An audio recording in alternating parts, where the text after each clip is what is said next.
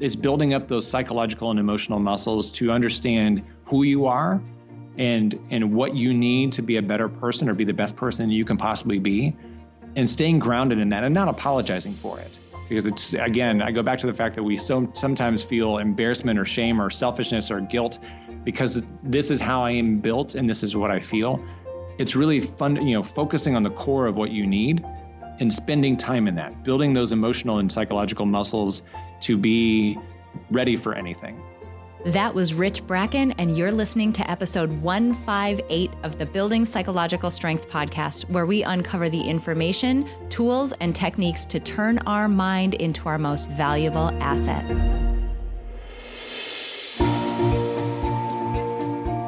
The courage to face fears with persistence. Being able to be present enough in this moment to choose my response thoughtfully. We have the strength to bend to life stressors, to bend to adversity without snapping, without breaking. There are only six things that contribute to our quality of life, and they are all experiences. In every moment, we are deciding who we want to be and how we want to live our lives. Noticing what your brain is doing and then being able to make choices mobilize the things that we know lift us up. Fear is not logical, it's primal. Hello, everyone, and welcome back to the Building Psychological Strength podcast. My name is April, and I'm your host. I'm really excited about this week's interview. I say that a lot, but that's sort of the benefit of getting to talk to all these amazing experts on a weekly basis and getting to answer or ask them all of these um, deep, incredible questions. And this week's episode is really deep, it's really actionable, and it's about a topic that applies to every single day of your life. And that topic is emotional intelligence. But before we dive into that topic, I want to do a quick listener shout out to somebody who left this awesome review on iTunes. The title of the review is Uplifting and Powerful. It said, Wow, today's episode hit home. I realized I've been holding out on the perception of myself and my worth. Powerful realization and tangible takeaways to help heal. Loving this podcast. That makes me so happy. I can't, I like, I can't even deal with it. That makes me so happy because every single one of us is subject to, you know, the same issues, like the same limiting beliefs, the same self perception issues. And every single one of us can stand to focus on them and work on them and build psychological strength to move beyond them. And it just makes me so happy to hear from people when that is what this podcast and the incredible information that my guests share. Um, that makes me so happy that it's working and that people are getting value from it. So thank you so much. Oh my gosh, that just made my day. I'm absolutely thrilled. So, today we're actually talking about, as I mentioned, emotional intelligence. And this is a topic that I was excited to dive into because it's gotten a lot of press and it's gotten a lot of focus out in more traditional media. And when that happens, what can happen is that the real truth of a particular topic can get kind of translucent. It can get watered down out in the main media. So I was really excited to bring Rich Bracken on today, who is a motivational speaker, but beyond that, he's a podcast host and he is an absolute expert who has studied deep in the area of emotional intelligence. And here's why this conversation is so cool. Oh my gosh. Um, not only can he talk about emotional intelligence in a way that is more concise and more clear than I have ever heard anybody talk about it, so good. Um, he just really cuts to the chase, but he's so good at giving actionable tips about how you can build emotional intelligence in your own life and why you should care. That's the biggest thing. Like, it's so easy to see these topics and think, like, oh, okay, uh, that's a big deal, but maybe it doesn't apply to me. I'm probably fine in that area. He's so good. He gives such actionable tips about what to do and why it matters. It's so good. So, there's a bunch in there about self awareness. You know how big of a deal that is for me. And I'm so excited that he hit on it. He also talks about triggers and things that can trigger emotional states for you, both ones that happen just randomly in our lives and getting really good at understanding them and what it was about the triggering situation that brought up that emotion, but also using music as an intentional trigger to get you into a particular motivational or emotional state. So good. And then something really cool happened. I shared a story that happened between me and a family member where I got really angry one time in a way that seemed, and the word I used was inappropriate. You'll hear it in this episode. I had an inappropriate response to something that someone else did. I got super angry. Rich was so good about coming back and saying, no, no, no, no, no, no. We do not use words like inappropriate when they come to emotions because that makes people feel defensive and like emotions are wrong to have and you are allowed to express emotions. Now, there are healthier and less healthy ways of expressing those emotions, but the emotion itself is not inappropriate. It was so cool. Like he completely came back and called me out. And what that made me think about in that moment was, and this is why I say nobody is immune to having this stuff happen to them. Inside the Peak Mind starter pack, there is a module right now, and I can't guarantee it's going to be there for long. We're talking about retooling the starter pack, so get in there if you want this module. But right now, there's a module in there about banning the word should. And that immediately came to my mind because the word should and the expectations about what we should do and what we shouldn't do, like get angry, in a situation where it seems, quote, inappropriate, that is one of the biggest killers of our confidence. It leads to just really negative affect and emotion that we shouldn't, ha ha ha, that we don't need to be having. Um, so just banning that word and the expectations that comes along with it, that's a huge step toward building psychological strength. And you can get that module right now for free inside the starter pack. So you just have to head over to peakmindpsychology.com. Um, you'll see a link to join the starter pack. Literally, you just sign up. You can get everything in there. There's more than just that module, but um, I would really highly suggest that you um, get signed up for that module and go through the should uh, module right now, which is something that I probably need to go back and do after my conversation today. All right, you guys, I'm really, really excited for you to meet Rich Bracken, for you to hear the really succinct, beautiful way he talks about emotional intelligence and to get the information that he provided around actionable steps that you can take to build your own emotional intelligence. I know you're going to get so much out of this episode. So let's dive right in. Rich, I'm so excited to have you on because it's always fun when you meet really interesting expert people in the most random ways on the internet. So thanks so much for being here. Well, thank you for having me, April. And I think random is probably the most applicable adjective that you just used. Um, I don't know. I don't, I don't, know that expert and, and, all the other flattering things that you said. Maybe I'm a little bit self-deprecating, but um, I am thrilled to be here, and I'm excited to, to talk with you and, and share some insight with your audience. Awesome. So, um, for folks who are listening to this, just a quick background. Um, we randomly stumbled upon each other on Instagram, I think, exchanged mm-hmm. a few quick DMs, and I looked at Rich's profile and I'm like, oh my gosh, you're an expert in so many of the things that we talk about on the podcast. Like, we have to make this happen. This is really great. So, here we are. Yeah, it's it's the beauty of social media. I mean, social media has so many different connotations depending on how you use it and what platform you use. But I think the one thing that we forget sometimes is that it, it brings the globe together, and you you can really connect with anybody that you want to. And I'm I'm a better person for connecting with you, and I'm excited to to continue the conversation. Exciting. Okay, here's what I'm really excited to talk about. There's a number of we'll say topics, a number of topics out in just conventional media, books and blog posts and social media and all those places that get a lot of play. People talk about them a lot, but what can happen when that, you know, when you you get a topic that gets a little bit of virality to it like that, the real meat of what that actually is gets a little lost in the crowd. Things get a little gray and transparent. And something like your expertise around emotional intelligence is one of those topics that gets talked about a lot. Lots of people have given their take and their their thoughts on it. And I, I feel like that's another one where it is very easy to lose sight of what it actually is and how it impacts our lives. So I'd love to start there. I'd love for you to just give us kind of the lowdown on what emotional intelligence is, like for real for real, the real definition. I and I agree. I think one of the things that we we we see in social media too is that when a topic gets hot, everybody wants to dive into their individual take and try, and it pulls so mm-hmm. far away from the core of what it is. And people try to get too creative and forget about just what is the core message of things.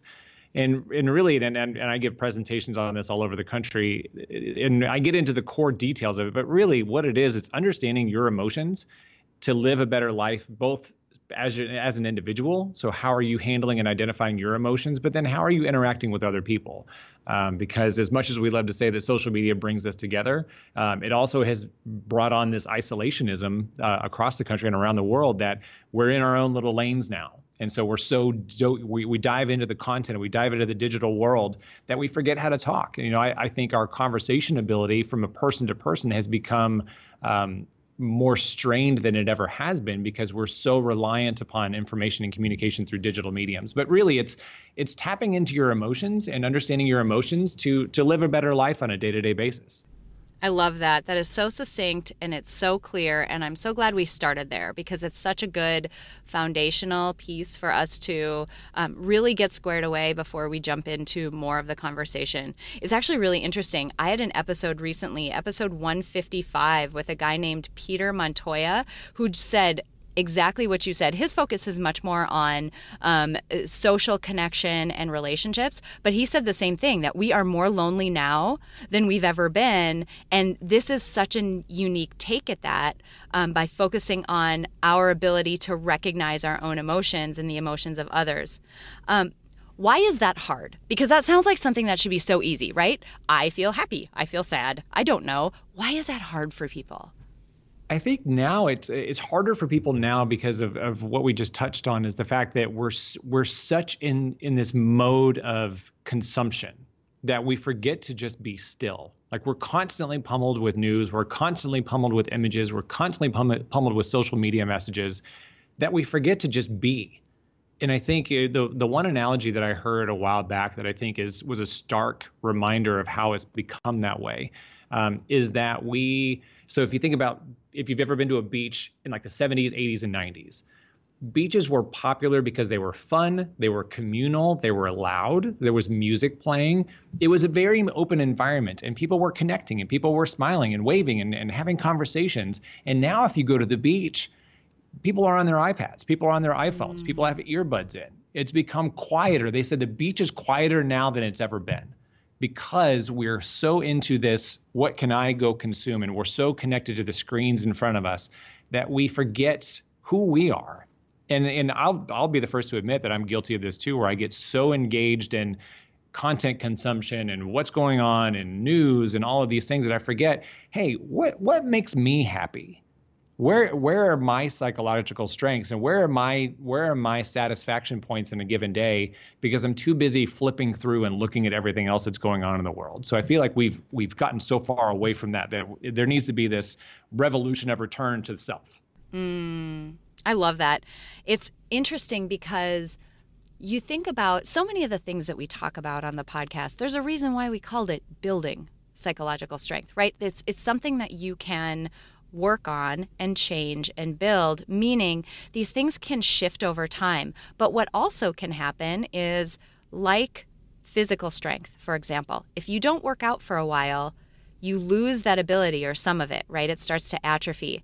And what I think I'm hearing you say is the more we're connecting to devices and not to each other, it's almost like that ability to read our own emotions, understand our own selves, read other people, really have a deep understanding of that connection point, it's like mm-hmm. that's atrophying. I completely agree, and I think it's. I mean, I, I I'll I'll try to draw the most um, I'm, I'm one of those that th- I think in analogies and metaphors all the time. So I'll try to describe what I'm saying as accurately as possible for the listeners so they can make sense. But I do, I feel like there's always a push and a pull to any kind of a muscle build. So um, you can imagine. So if you worked out just the front side of your body, those muscles that you have on the front side of your body, the back side of your body weakens, and it actually is is counterproductive to what you're trying to do from a physical standpoint. And I think it's the same way with communication and relationships. When we are two-way communicating, when we're having face-to-face conversations, when we're sitting down having a cup of coffee with somebody, when we're hugging a friend or hugging a loved one, those are two-way interactions. And save the fact that you know with with communication uh, like you and I had, or if you're instant messaging or texting or or those types of things, yes, there is a two way communication, but there's such a lack of emotion in that that you don't get the same feeling. So it's the same way when we have that one way communication or one way consumption where it's I'm watching your video or I'm reading your post. I'm not communicating with you about it but it's this broken communication of oh i think i'm commenting on your post so therefore we're communicating and having an interaction. It's not the same thing. So we're not technically working out those emotional muscles those psychological muscles those communication muscles the way we should be. And so that's where i feel like that's there's that uh, we'll call it an internal atrophy that's going on. Mm, that's really good. Something that is occurring to me is um, again because recognizing our own emotions or reading other people, this is very likely one of those areas where people could easily dismiss it and say, oh, no, I'm really good at that. I'm really good at that. I know other people struggle with it, but I'm really good at that. Um, however, my guess is there's more to it. Like, it's easy to point at something like emotional intelligence and say, oh, yeah, I'm fine there, and not realize that there are symptoms that occur in your life that either signal you're doing a good job in this moment or, or things are going well in this moment or they're not. And sometimes those symptoms, you know, we chatted about this a little before we got on to record. The, anal- the analogy I'll give is sometimes you have a headache, right? And that's the symptom that you're noticing that I, my head hurts. The underlying cause of it could be something like dehydration. Mm-hmm. But that's not the immediate thing that you're noticing. So, you know, emotional intelligence, either it going well or you being really strong in that area or being weak in that area, could be causing some symptoms that people feel in their in their lives, like as they're experiencing life. Can you talk about that a little bit? Absolutely, and and I I completely agree with the fact that there are there are things, and I think we also as humans tend to want to push away the things that cause us stress or anxiety or pain emotional pain and so when i think about like i, I can i can think back uh, prior to my my absolute passion for emotional intelligence and there were times in my life where i would go through bouts of insomnia um, or I would find myself grinding my teeth, or I would have a, a, almost like a lockjaw feeling, or my jaw would be sore because I'd be so tense in the face. And what I was realizing was that there were things that I was not dealing with, or things that I was not addressing, or even just a day. It didn't have to be like a deep childhood pain because that wasn't the case. But even if it was, I just don't like this person at work, and I, I know I have a meeting with them tomorrow, and I'm going to stress about it, or I know that I have this project, or I know that there's something else going on that's causing this but i'm but i'm dismissing the stress because as humans we don't want to admit fault or weakness or any kind of insecurity. Uh, so then you push those things aside. So i may have a situation where i'm not thinking about a stressor or a trigger that is causing me to feel this way. So i've kind of buried the cause to your point that you know the dehydration. So i've buried that cause but i'm still feeling the symptoms I'm still having, you know, the the the lack of sleep. I'm still feeling very drained emotionally because I'm not addressing those things. So even by say, you know, because a lot of people will say, well, I just don't want to deal with that.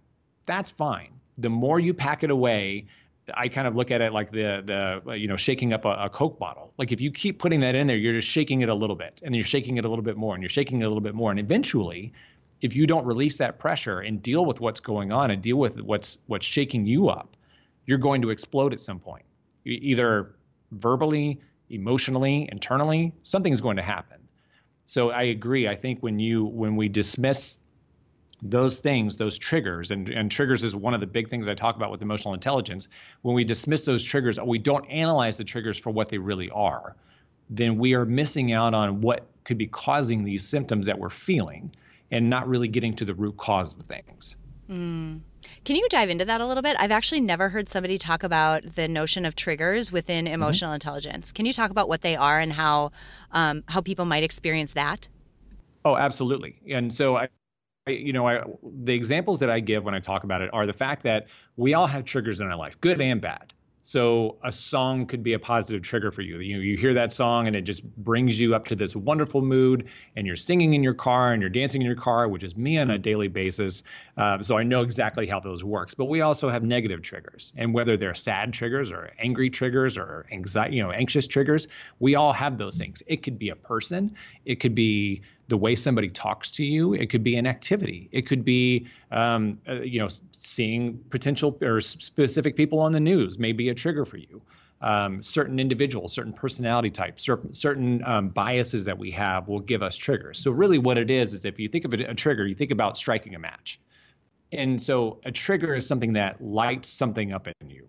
So let's give an example of there's, you know, I'll go back to the example of, of a work scenario. Maybe there's somebody that you work with that you know is very difficult to deal with, somebody that doesn't communicate well, somebody that always is angry or hard to deal with or you know just is is always bringing their stress on other people. That person is a trigger for you. So it doesn't matter if you see their name copied on an email. It doesn't matter if they their name shows up on your caller id it doesn't matter if you hear their voice around the corner. They're triggering an emotion for you. And so triggers lead to emotions. Triggers lead to some sort of a result. And so when I talk about managing your triggers and flipping the trigger in, in the way I terminology use in terminology, flip the trigger means what you have done in the past when you react to something.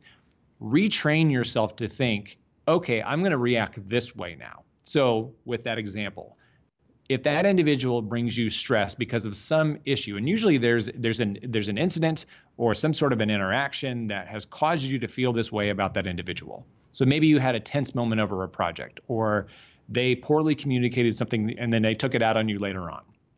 That now you assume you assimilate stress with that individual. So every time you think about that individual it brings you stress. So one i always encourage if there is something like that deal with that have a communication point. Even if you get to a point where you agree to disagree, at least express your emotions. Hey, April, you know, you and I had this incident a couple of months ago. I've not dealt with it, but I really wanted to bring it to your attention because it's brought me a little bit more anxiety than I would care to carry on. Um, have that communication, get it out in the open. But then from that point forward, so, and I hate to keep bringing you into this because it wasn't your fault and you didn't yell at me over a project, but I'm going to use you as an example. Um, so instead of saying every time I see April's name on an email or every time I hear April's voice, it causes me anxiety, what I now train myself to think is, oh, there's April. I'm going to look at her as my new challenge to up my communication level because communication was the problem that we that caused the issue in the first place not necessarily yours, but maybe you take it upon yourself to be an over communicator. Maybe you're leveling up your engagement with her. So it's instead of saying like, "Oh God, here comes April," it's, "Hey April, how are you? How's your day going? Is there anything I can do to help you and support you today?" It doesn't matter how they react because we can't control other people's reactions. But what you have done is you have taken the high road you have now turned that interaction and that trigger into something positive for you. It's a challenge to you. It's a challenge to level up your communication ability and your mood.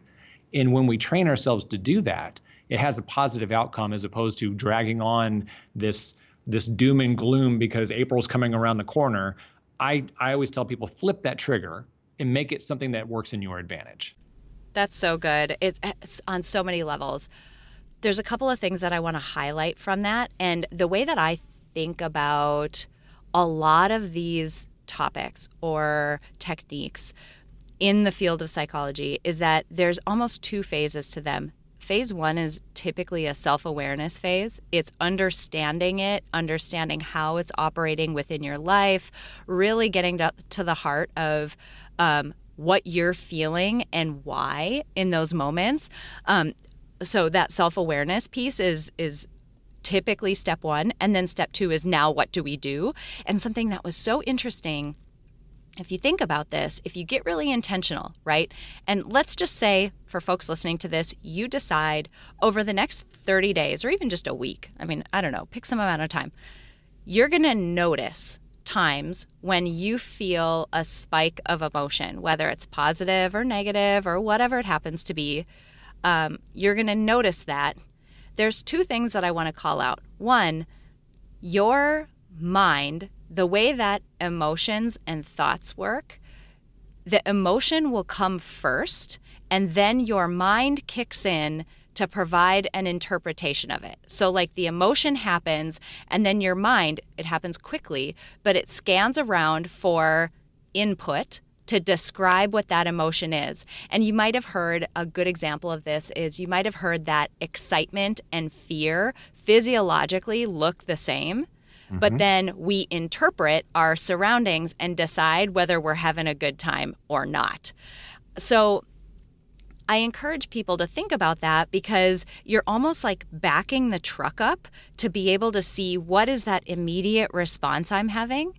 And then where it gets really cool is, and this is where things like journaling and reflection practices get really neat because the the analyst in me, like the data analyst in me, wants to find a theme. I want to find an underlying pattern. I'm always looking for that the more you can self reflect on those situations, the more you can see, oh, interesting.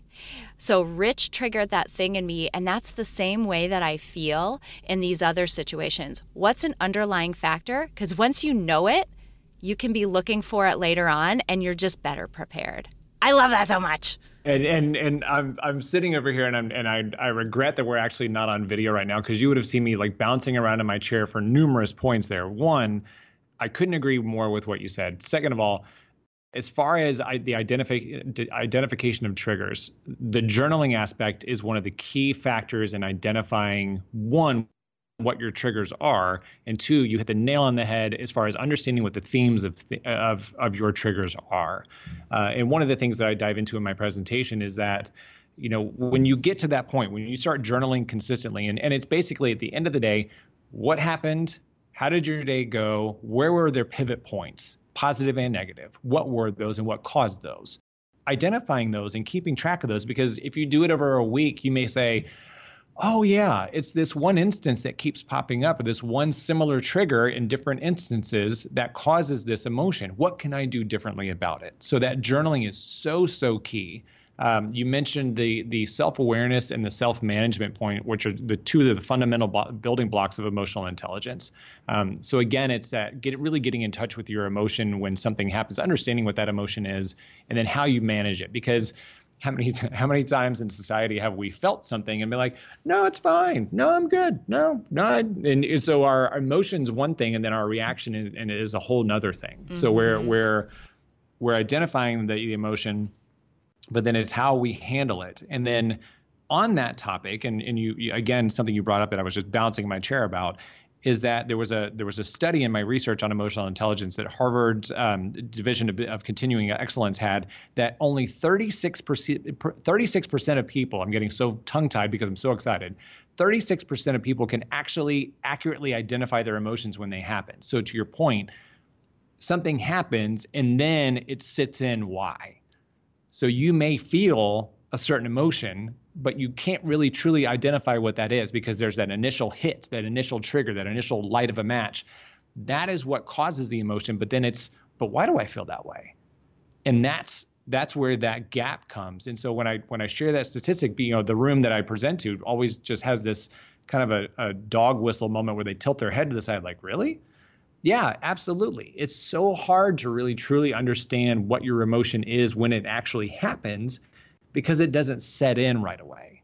Mm. And it can be so all consuming, right? Think about really high arousal emotions. Mm-hmm. And there I'm talking about just arousal on a physiological like sense of um, excitement, happiness, joy, fear, anger, stuff like that are very high arousal. Your mm-hmm. brain just gets flooded in that moment. And the by design, I mean, just by biological nature, you become less able to really think intentionally when mm-hmm. you're in the context of those emotions. So I feel like the more and in the beginning for folks this may just be like a really rough process i can imagine those first couple times sitting down to journal in the way that you described mm-hmm. you're gonna it's gonna take some time of going back to that moment and reflecting. Think about the last time you got really angry at your spouse or your kid or somebody from work, even. It'll take a little bit of time to say, oh, interesting. Not only was I angry, but laced within that anger, there was a little element of jealousy there. Huh. Mm-hmm. Interesting. Yeah. And what I, I'm curious now, where I, uh, my mind's going in a hundred directions because I'm also waving my arms over here. Um, I'm curious about how we do this in the context of emotions that we believe are bad or wrong to have. I shouldn't get mad. I shouldn't feel jealous. I shouldn't, you know what I'm saying? Like, how do we get people to the point where you realize, like, labeling and admitting to have those emo- having those emotions doesn't make you a bad person? Mm-hmm. It's all part of the game of understanding yourself. I, I, couldn't agree more. And again, we, we probably need to refilm this and maybe we just pantomime some of our reactions to these things because I'm just loving what you're saying. Um, again, I think one of the things I always talk about too is that when you talk about emotional intelligence or you talk about self awareness, it's not necessarily like I always tell my audiences, like, you're not going to come out of this with this Zen mentality that nothing's ever going to bother you part of it is understanding what does bother you and and how you handle that. So it's you know we we all have those emotions. I'm you know people will say, well, you're the most positive person in the world. How could you ever get angry? I I get angry because I understand my emotions. I don't I don't say that I never get angry or I never get upset or I never get sad. Um, you know, I'm I'm probably the the one of the top 10 men in America that will admit that I'm a crier more more than most. but it's because I understand my triggers. I understand my emotions. Um, same thing with anxiety or fear or anger. Those those ones that we're ashamed of, right? We don't want to admit that we get angry. We don't want to, want to admit that we get scared or, or ashamed of things. But we all do. We're all human. We have these emotions built into us, and so if you deny those, they just get worse. The, the the the ability to control those and manage yourself just gets worse. So what I will say is that you know, and I, I did a, a, segment on this uh, a while back on the news where it's okay to get angry. It's okay to feel those things. It's okay to verbalize your anger or your frustration, but there's a right and a wrong way of doing it. And so if we can get to a point where we understand, you know, again, going back to the journaling things, if you understand the triggers, you understand the themes, you understand how to prepare for those triggers, especially if you if you know that you can't avoid them work situations, those types of things. Or, you know, one of the one of the things I always talk about too is that I detest people that text and drive. And it's mostly because one, I think it's disrespectful. Two, I think it puts a lot of people in danger that should not be in danger. And three, I'm like, you know what? I have a wonderful family and kids, and your text message does not absolve you from trying to, you know, put me in danger and harm's way um, to to take me away from my family for any reason whatsoever. So I I used to fly off the handle if I found somebody texting and driving on the highway, especially if they were swerving. But then I got to the point where I'm like, you know what? I'm not going to let that individual ruin my day. Yes, it angers me. Yes, it frustrates me. Yes, it it gives me a little bit of fear because I'm not sure if they're going to be paying attention and maybe sideswipe me. But what I've now done is said, okay, I feel those and it's okay to feel those. But how I handle those, I just basically move around them, get away from them as quickly as possible, move on with my day. Because then what has happened in the past is that I would get frustrated with them. I would be like, oh, you know, how dare they? And, you know, I carry that emotion, I carry that frustration and that anger, but I don't know how to deal with it. And so I would let that carry on, even if it was for another 15 minutes. That was 15 minutes of my life that that person did not deserve to have real estate in my mind and my heart. So I've I've removed them from that fact. So again, it's okay to get angry. It's it's it's it's actually perfectly healthy to get hangry. It's it's it's it's perfectly okay to be ashamed. It's perfectly okay to have those negative feelings, but it's how you take those and work those to your advantage that is really key into understanding things. And and what you said earlier too about those first few journaling, you know, those first few journal moments, or even you may journal for a year and a half, and then all of a sudden have this deep aha moment that you have to deal with something that you've not dealt with. And and those are tough, but what I will say is it's like anything else. Any anything worth doing is worth the pain and effort that you put into it. So if you deal with those emotions and you deal with those bad instances and you deal with that that trauma or those those bad memories or what whatever your your core needs to to heal, By addressing those things, you are putting yourself on a path to becoming a better person. Those scars may remain, you know, whether they're deep rooted scars or just I, I, get annoyed on a daily basis because of this and this is my scar. But by addressing those and moving on, you're becoming a better person. So it's worth the time to dive into it, to ask why, and to address and acknowledge your emotions. Because again, if you're acknowledging it to yourself, there will be some sort of a shame. It sounds ridiculous. If you're sitting by yourself saying, Wow, I've realized this in my journal, I realized that this type of an event triggers this type of an emotion, and both of them are somewhat negative. I feel so ashamed. Good. Feel it, understand it, and figure out how you fix it and move on from there. Mm, that was so good. That is so good. And I'll even go a step further. Sometimes we, oh, this is just awesome. When I think about anger, lots of times um, our anger is directed at other people, right? We're mm-hmm. angry mm-hmm. with someone, right? And I think we get worried about feeling angry, expressing anger, anything to do with that type of emotion, and throw in whatever other emotion that you feel bad for having guilt or um, jealousy or any of those other yucky ones that we try not to feel and try to admit to. Mm-hmm. Any of those. What I've found and this has been so recent. So, holy cow, did I do this badly for a long time? Do I still do this badly because I'm not great at it because I just learned this recently? But the ability for those emotions and your ability to explain them, which that journaling process helps, this reflective process helps, the more you can explain them, can you deepen a relationship with someone? And I'll give an example. Um, my father-in-law, who I don't think he listens to podcasts, but hi, Larry, if you'll, you you'll do, find out quick if he does or not. Hello, Larry. Uh, over the holidays, my father-in-law made a very benign comment to me, and I got angry. Like we're talking brain flooded, burning face. Everybody knew it.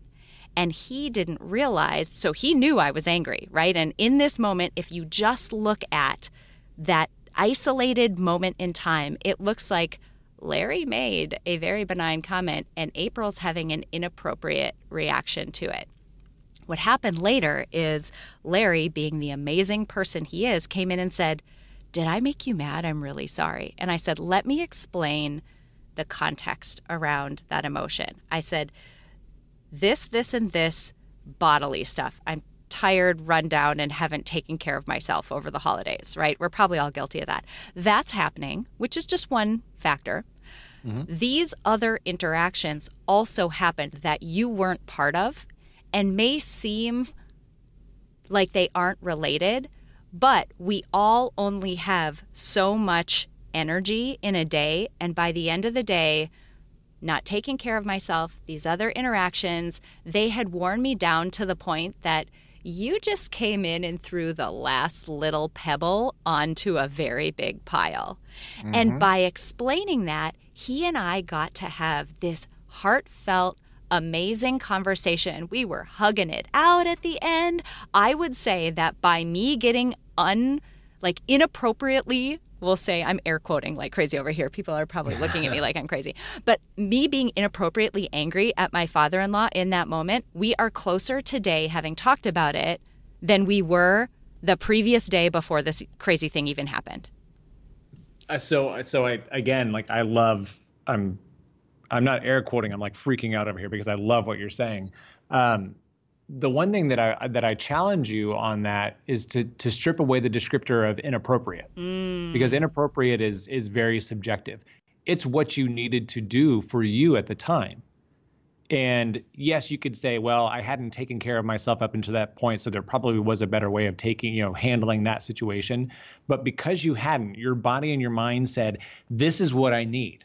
I'm gonna I'm I'm gonna get red in the face. My voice is gonna go way up through the roof as far as volume goes, and I'm probably gonna drop a few f bombs here and there. While somebody may say, "Well, that's it. That's not the best way of handling that." You know what? Maybe not for you as you stand there saying that, but me where I was when that happened, I needed to do that. I needed to express myself in that way. And yes, I can take the blame for maybe not taking better care of myself into that point, but you know, when when we're starving, or when we're dehydrated or when we're exhausted. When we get to physical limitations, we go to the to the areas and to the activities that we need to do to take care of ourselves. So why can't we do that emotionally? Mm, that's good. I'm like standing up. And I'm like waving my arms and standing up. This is awesome. Right. And so I, I, I think that's so I, I, think the the the words inappropriate or selfish or guilty, those I think if we can take those out of the context of our emotions, it frees us for a lot of different things. Like I heard somebody, a friend of mine the other day said, you know, I I'm I've been so run down and so stressed out. I want to go to, you know, I would love to go get a massage, but I feel guilty taking that time to go do that. Why? It's what you need. You you you verbalized your need based off of your physical and emotional status. Why should you feel guilty about taking care of that need? Because if we're not taking care of our own individual needs, if we're not making sure that us as an entity are at the levels that we need to be physically, emotionally, nutritionally, what you know, what have you, why aren't we allowed to say this is what I need to be the best me? And if it's screaming at somebody because you just have to get that out, so be it. To your point, it could have gone the wrong way, but did it? No it opened up a different conversation. And I I have been through that personally, where I have just and I'm the last. You know, you ask a multitude of people that know me, probably don't know me as well as they should if they don't know this fact. I'll let loose at the right time, and it's because I that's what I need, and those are the times like I'm I am the preppy guy driving a family SUV with two car seats in the back that I'm singing Slipknot at the top of my lungs on the highway because I have had a stressful day and you know what? I need to go sing that. And and if you're anywhere near the doors of my car, you can probably hear every word that the song is saying because it's that loud. And if you can hear the song over my voice, I'm not doing it well enough. So I, I, I challenge that, and and I and I think you and I I think you now agree with what where I'm coming from in this. But again, I think we as individuals need to strip ourselves of oh wow that was way out of line of me. What? No, be you and take care of what you need and do what you need to do to fix the the the the voids and the and the empty spots that you need to go fill. And yes, it's probably not going to be the best choice, but at the time, it's what you need. Mm, that's great. I mean, and that just gives people such freedom to experience the emotions that they're experiencing without uh, the guilt and um, the defensiveness that can come up that leads you to not explore them and go down the roads that we talked about. Um, as we're wrapping up, I'm wondering can you give people just a few actionable things to go do today? Because, you know, we've talked about EQ being such an important mm-hmm. part of psychological strength. We know that so many of these faculties, including emotional intelligence, is something that you can develop, you can work on it. It's not something that's static. How would you suggest people go do that? Like, what are the actionable things that you would prescribe to them from this episode? So I, have got a list of them, and I'm I'm happy to share. I've got a couple of infographics and, and things that I can share with you, so you can share with your audience as well. That'd be great. Um, there, there's a ton of them. Um, what I will do is draw out a couple of my favorites that I know personally I've leveraged and they work very well. And, and, and those that I've coached and consulted with have used these and have seen great results from them as well. Um, the journaling I think is huge. The journaling I think is one of the best exercises that you can do. It's very low time, um, very high value. And so in that in that journaling exercise, and it could be anything from a written journal to a, you know, if you want to have a, a saved document on your laptop or your computer or whatever or on your phone, whatever you need to do, if you can get those things out and identify the trends, journaling is one of the best things in the world. I am a I am a music head. I I love music. I I don't know in my in my history of talking to probably thousands of hundreds of thousands of people that I've ever heard anybody say I don't listen to music at all. I've never heard that once. So I think this is applicable to everyone. Is that I have personally, and I and I've encouraged people to do this too. I have created playlists pick Spotify, Pandora. You know, I've I've got an old school iPod in my car, so I, I'm proud of that. But I have playlists for every mood that I want to achieve. Mm. I have a mm. stress relief. I have um, a confidence one, I have a, a, chill out one, I have a good mood one, you know, and, and so building those playlists and using music as a as a charger for those is really important. So if you have a stressful day, what kind of music is going to let you release that energy, but then also bring you back to where you need to be? Um, so music is a huge thing. Um, one of the things that popped up in, in the conversation you were having about your your father-in-law that I think is critical that we don't do as well because we're so afraid of what other people will think is that we don't set boundaries very well. So sticking up for yourself and setting boundaries of saying, "Hey, look, I, this is what I'm okay with. This is not what I'm okay with. You won't talk to me like that." Um, those kinds of things where you're establishing your boundaries and your limitations, because again, I think there's the we don't want to we don't want to say no to people. We don't want to feel like we're shutting things down. We we don't want to feel like we're available. Um, but at the same time, what it does is it depletes us beyond comprehension. And so by setting up those boundaries and saying, you know what, I'm going to have this time of day. Like there are times where I block my calendar and I say, you know what, this is my time, and it's non-negotiable. Nobody can impede on that. This is what I'm going to do. I'm blocking this time, and, and here are the two things I want to do during that one hour. That's my time. You can't you're not going to get in on that. Just no way, shape, or form. Um, so sticking up for yourself and setting boundaries. And and really, I'm a big fan of meditation. I know a lot of people think, hear meditation and think that I'm crossing my legs and have my my hands on my knees and and you know sitting in, amongst a bunch of plants. But really, meditation could be anything. You could sit at your desk right now for five minutes, close your eyes, and you're meditating. And it's really just saying, I'm going to pause I'm going to reflect. I'm going to check in with myself. I I do it multiple times a day, where I'll stop in between meetings or during some projects, and I'll just close my eyes for about three to five minutes. How am I feeling? What's going on? What's been what's been going on up until this point, and how I just kind of a, just a personal check in. By doing that, it's not me getting to the end of the day and saying, "Wow, that was a day. What happened?" It's me checking in throughout the day and making sure that the pendulum of of anxiety or the pendulum of of busyness doesn't swing so far that I can't get back to center easily. So by doing those check-ins throughout the day, I'm I'm able to say, okay, this is getting out of control for me. How do I bring this back? So I, you know, I, I think those elements and those activities are so key. Again, there's there's a ton of them, and I'm happy to share all the ones that I've I've seen results with. But those are just the the key ones that I think are really really important. Those were all so good and so actionable and so fast to do. I mean, that's mm-hmm. the thing. Like, I, I've talked about this before on the podcast, but so many times we hear something like, meditate for just a couple of minutes, just sit quietly for a couple of minutes, or um, journal really quickly for just even two minutes at the end of the day and just reflect on a particular situation.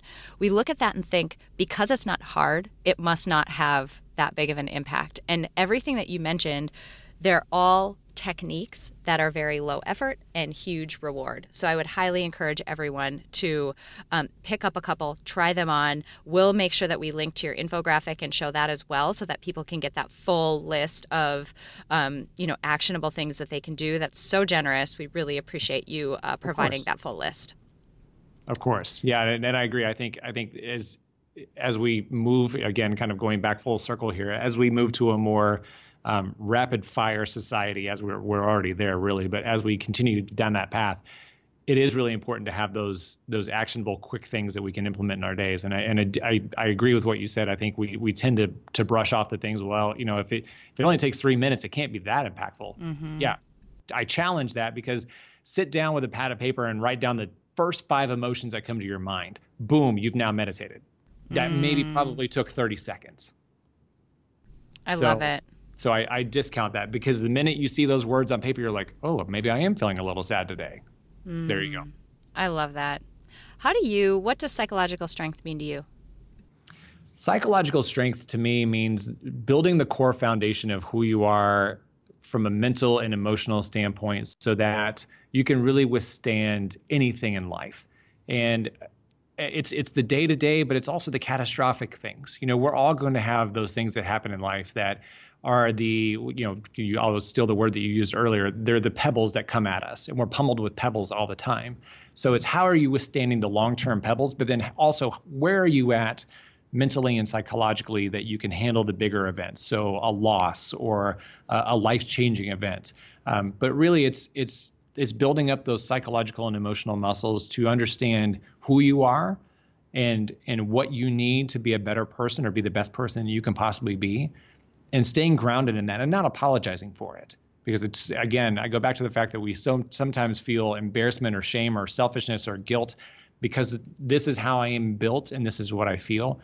It's really fun you know focusing on the core of what you need and spending time in that building those emotional and psychological muscles to be ready for anything.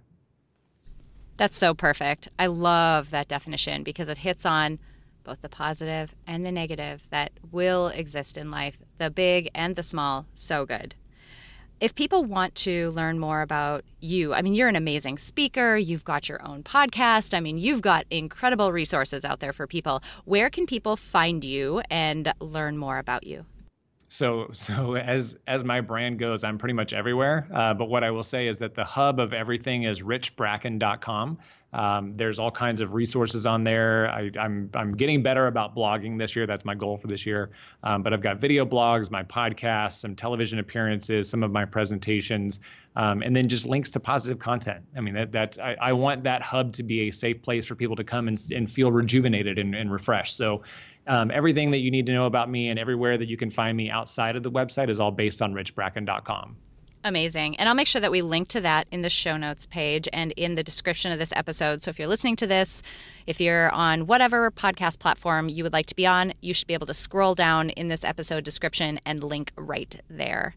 Uh, this has been incredible. Thanks to social media. Thanks, Instagram, right. for you, connecting Instagram. us. This has been so good and so insightful and just a really great masterclass on a topic that impacts literally every single day of our lives. So I can't thank you enough for being here and just for being willing to share so openly about a topic that you know so much about. It's absolutely my pleasure. It was an honor. I'm, I'm glad that we had this conversation because, again, I think it, it just sings to the idea that uh, we all have um, connectivity in the world and we all have uh, similar people. That, and, and I think you and I have, have absolutely strengthened that bond between the two of us. And I, I I'm so thankful for you for what you're doing and the message that you're sharing. Um, so thank you for having me, and I'm, I'm very honored and blessed to be a part of this. It's a simple fact that nearly everyone in the world could benefit from building psychological strength, but not everyone will put in the time and effort to do so. But today you did. Thank you so much for listening to this episode of Building Psychological Strength. Now, if you're interested in building the mental toughness, confidence, and resilience you need to thrive through life's ups and downs, visit us at www.peakmindpsychology.com. Also, if there's someone in your life who could benefit from this episode, please share it with them. And if you yourself found this episode valuable, meaning if you took away even one insight that you can use to build psychological strength in your own life, we would so appreciate it if you would drop us a rating and a review on iTunes. The thing is, the more ratings and reviews we have, the easier it is to get this powerful and important content out to the people who need to hear it. Remember, your mind can be your most valuable asset or your biggest liability, and you get to choose. So choose wisely, my friend. And I'll see you next time on Building Psychological Strength.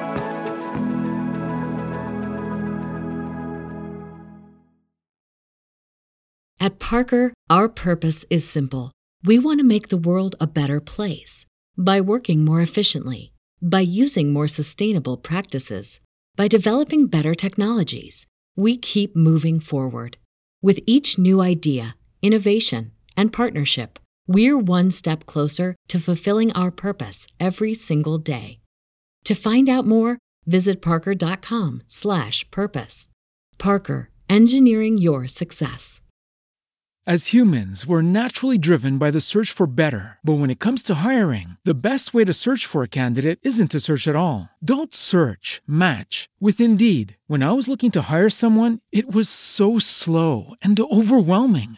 I wish I had used Indeed. If you need to hire, you need Indeed. Indeed is your matching and hiring platform with over 350 million global monthly visitors, according to Indeed data, and a matching engine that helps you find quality candidates fast. Ditch the busy work. Use Indeed for scheduling, screening, and messaging so you can connect with candidates faster. And Indeed doesn't just help you hire faster. 93% of employers agree Indeed delivers the highest quality matches compared to other job sites, according to a recent Indeed survey. And listeners of this show will get a $75 sponsored job credit to get your jobs more visibility at Indeed.com slash podcast. That's Indeed.com slash podcast. Terms and conditions apply.